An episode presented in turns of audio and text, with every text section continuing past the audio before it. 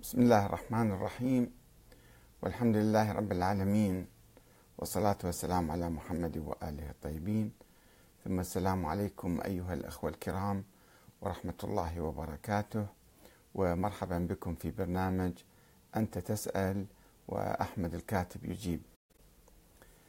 آه، السؤال المقدم اليوم من أخ يبدو أنه يعتنق المذهب السني أو يؤمن بهذا الشيء. والتعليقات على هذا السؤال آه، من بعض الشيعة المتطرفين الذين يعتقدون أنهم شيعة. آه، السؤال يقول آه، لماذا لا زلت شيعيا؟ وماذا يربطك بالتشيع؟ السؤال من مقدم مقدم من الأخ أحمد محمد. يقول يا أحمد الكاتب بما أنك تخليت عن عقائد الشيعة الاثنى عشرية وأنكرتها كالوصية والعصمة وأولوية علي بن أبي طالب بخلافة رسول الله صلى الله عليه وسلم وباستمرار الإمامة بعد الحسن والحسين في اثني عشر شخصا من ذرية الحسين وبوجود الإمام الثاني عشر. لا زلت لماذا لا زلت شيعيا؟ يتعجب أو يسأل. بطريقة أخرى ما الذي لا زال يربطك بالدين الشيعي. هكذا يقول هو وسوف أجيبه عن هذه النقطة. آه، الأخوة المعلقين من الطرف الآخر الأخ علي الأصولي يقول وهل يعتقد جناب أحمد الكاتب كونه شيعيا؟ هو يعتقد نفسه شيعي أو لا؟ آه، الأخ حكمة علي يقول ومن يثبت أنك شيعي أصلا؟ ريحة الشيعة, الشيعة ما بيك. الأخ مصطفى العراقي يقول الشيعة كانوا بعهد الأئمة يتفرقون ولا يعرفون من هو الإمام الحقيقي كيف بنا نحن آه، تريد منا معرفة الأئمة ديننا وراثة ليس إلا. الأخ غياث مهدي يقول أحمد الكاتب أنكر وجه الله الأعظم فخرج عن ملة الإسلام إلى ملة الكفر. مو بس شيعي مو بس أنه مو شيعي لا حتى بعد مو مسلم هو. الأخ باسم الدراجي يقول وهل هناك شيعة للأئمة حاليا؟ ومن هم الشيعة وما هي أوصافهم بحسب أهل البيت؟ عليهم السلام. وأيضا يقول هل الشيعي يدخل الجنة بدون حساب أو هو من الفرقة الناجية مثلا؟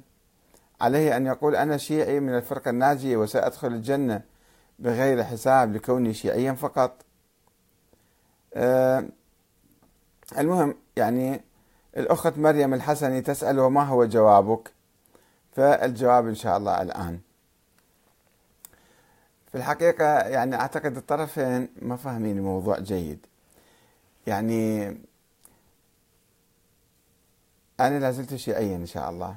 وطبعا مسلم بعكس ما يقول الأخ غياث مهدي اللي خرجني وخرج الأمة الإسلامية كلها من الإسلام يعني أكثر من الوهابية. الوهابية عندهم شروط التوحيد. اللي يؤمن بها فهو آه، موحد ومسلم والمؤمن بها فهذا يصبح كافر. هذا الأخ على خطأ الوهابية الأخ غياث مهدي. وربما أكثر حتى من من الوهابية لأنه لا يؤمن حتى بإسلام عامة الشيعة اللي ما يعتقدون بها العقائد اللي هو يؤمن بها فهذه مشكلة حقيقة. آه، هو هذا هدفنا من الحديث هو تقريب الأمة الإسلامية وإزالة الفوارق منها. والقول بأن هذه الخلافات الطائفية الموروثة هي خلافات بائدة وخلافات قديمة وما موجودة حاليا. آه، إنما هي خلافات وهمية هكذا أقول. آه، وأنه أنا لا زلت شيعيا أو لا لماذا يربطني بالمذهب الشيعي؟ فأقول أن هذه الشروط اللي تفضل فيها الأخ آه، محمد أو أحمد محمد أنه آه، موضوع الوصية والنص على الأئمة الاثني عشر أو شرط العصمة مثلا هذه يعني مجموعة مقولات تطورت مع الزمن في تلك الأيام الأولى في القرون الأولى. مثلا موضوع العصمة عندما طرحه الشيعة وجر سلسلة من المقولات. موضوع العصمة طرح في القرن الثالث أو عفوا في القرن الثاني الهجري من بعض المتكلمين الشيعة المتكلمين اللي كانوا يعني مثل مفكرين أو منظرين في مقابل الأمويين الذين ادعوا العصمة لأنفسهم. فهؤلاء أخذوا هذه الكلمة من عندهم وطوروها. وعندما بدأوا البحث مثلا هشام بن الحكم إذا تراجعون مقولاته وحكاياته. في البداية ما كان يتحدث عن أهل البيت كان يتحدث عموما ينظر للفكر السياسي الإسلامي أنه أي حاكم يأتي إلى السلطة أي خليفة مثلا هل يجب أن يكون معصوم من الله حتى لا يأمر بباطل أو لا يأمر بخطأ أم لا؟ لا يجب. فكان الكلام يدور حول موضوع العصمة بصورة عامة. ما كان يتحدث هو يعني يتحدث في البداية عن أئمة أهل البيت. بس خطوة خطوة بعدين قال طيب بعد ما ثبت موضوع العصمة كشرط لأي حاكم شرط مطلق لأي حاكم. فقال كيف نعرف؟ وقع في أزمة. قال كيف نعرف هذا المعصوم؟ إلا أن الله يعرفنا إياه. فإذا ألغى الشورى وقال بنظرية النص والوراثة. وطبق هاي النظرية على الإمام علي وأهل البيت وجر المسألة. وجرت المسألة فصارت النظرية الإمامية أو الفرقة الإمامية. آه، وهي كانت بعيدة عن أهل البيت المتكلمين قاعدين وحدهم يفكرون ويتكلمون كما يشاءون. وأهل البيت لا معرفة لهم بذلك ولا لم يدعوا لا الأسمى ولا الناس ولا الوراثة ولا أي شيء من القبيل. ولكن هذا هؤلاء المتكلمون اختلقوا نظرية الإمامة ثم ركبوها على أهل البيت. فأنا عندما أجي أناقش هالمسائل أنه الإمامة بالنص والإمامة بالوراثة والإمامة بالأثر هذه أهل البيت ما يعرفوها مو مو نظرية أهل البيت. نظرية أهل البيت السياسية هي الشورى. ثم لا لنفترض جدلا الحديث يدور حول الأئمة الاثنى عشر. هم الأئمة الاثنى عشر قبل 1200 سنة كانوا 1200 1300 سنة. وراحوا بعد مو موجودين.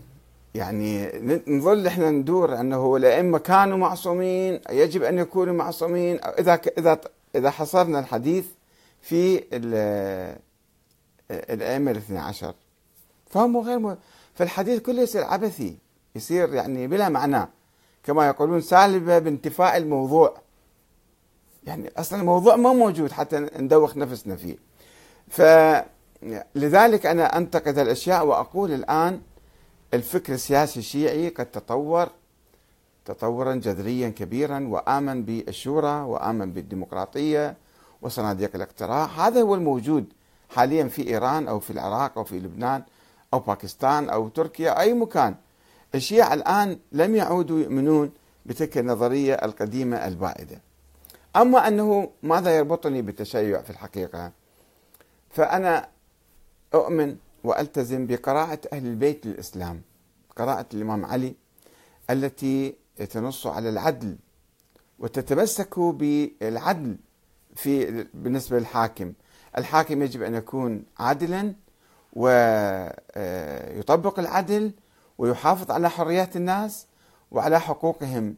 ما يتجاوز؟ وأن يأتي بالشورى وأن يأتي بإرادتهم لا أن يستولي على السلطة بالقوة.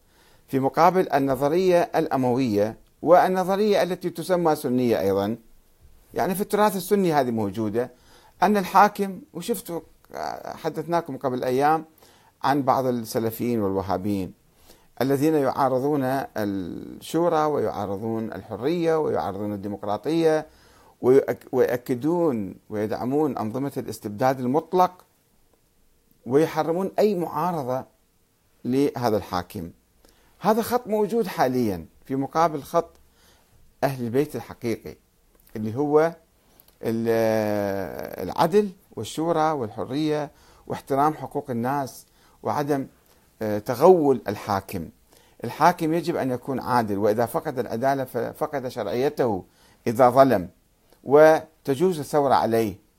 إذا ما نتمكن غيره بالطرق السلمية الديمقراطية وطغى جدا فلا طريق إلا الثورة عليه.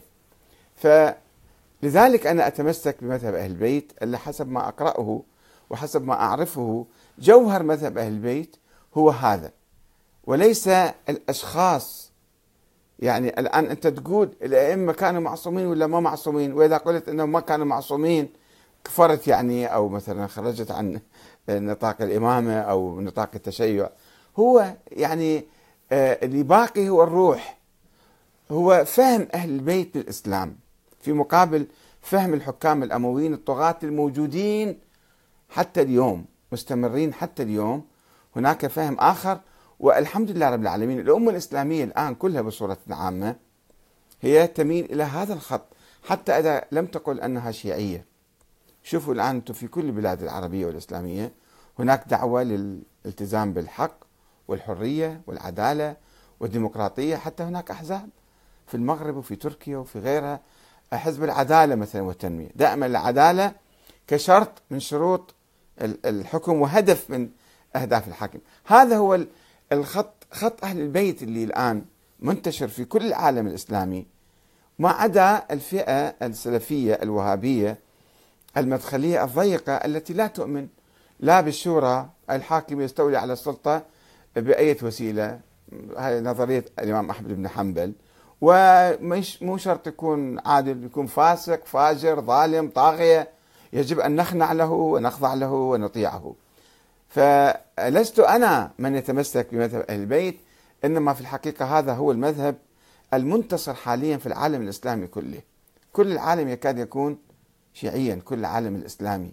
شيعيا بمعنى فهم خط علي بن أبي طالب والإمام الحسين.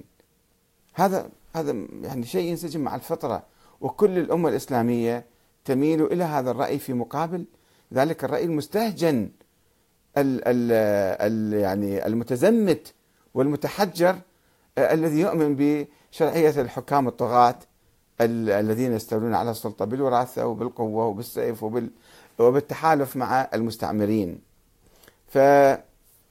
فأرجو أن يفهمني الطرفان. بقايا السنة وبقايا الشيعة. أنه آه، الأسماء ما تهمني كثيرا. الأسماء ولا تهمكم أيضا. ولا يجوز أن تهمكم كثيرا. هذا الشيعي أو هذا سني وماذا يربطك بالتشيع أو ماذا يربطك بتسنن وهل أصبحت سنيا؟ لا. كل هذا الفكر القديم الدكتاتوري الخاطئ اللي كان يحملوه ما يسمون بالشيعة والسنة. كلهم كانوا يحملون أفكار دكتاتورية وركبوا أفكار دكتاتورية على أهل البيت. أن الحكم بالوراثة. أهل البيت لم يقولوا ذلك.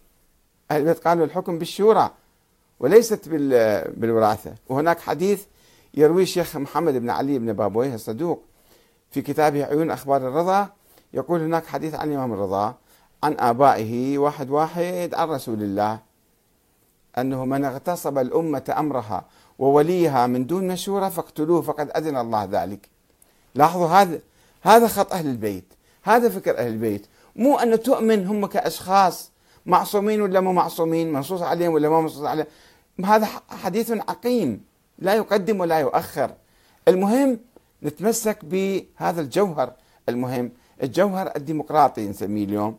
أن الأمة الإسلامية تقريبا كلها تميل إلى هذه الثقافة الديمقراطية الإسلامية. الموجودة في ثقافة أهل البيت في مقابل الأمويين والعباسيين. والسلام عليكم ورحمة الله وبركاته.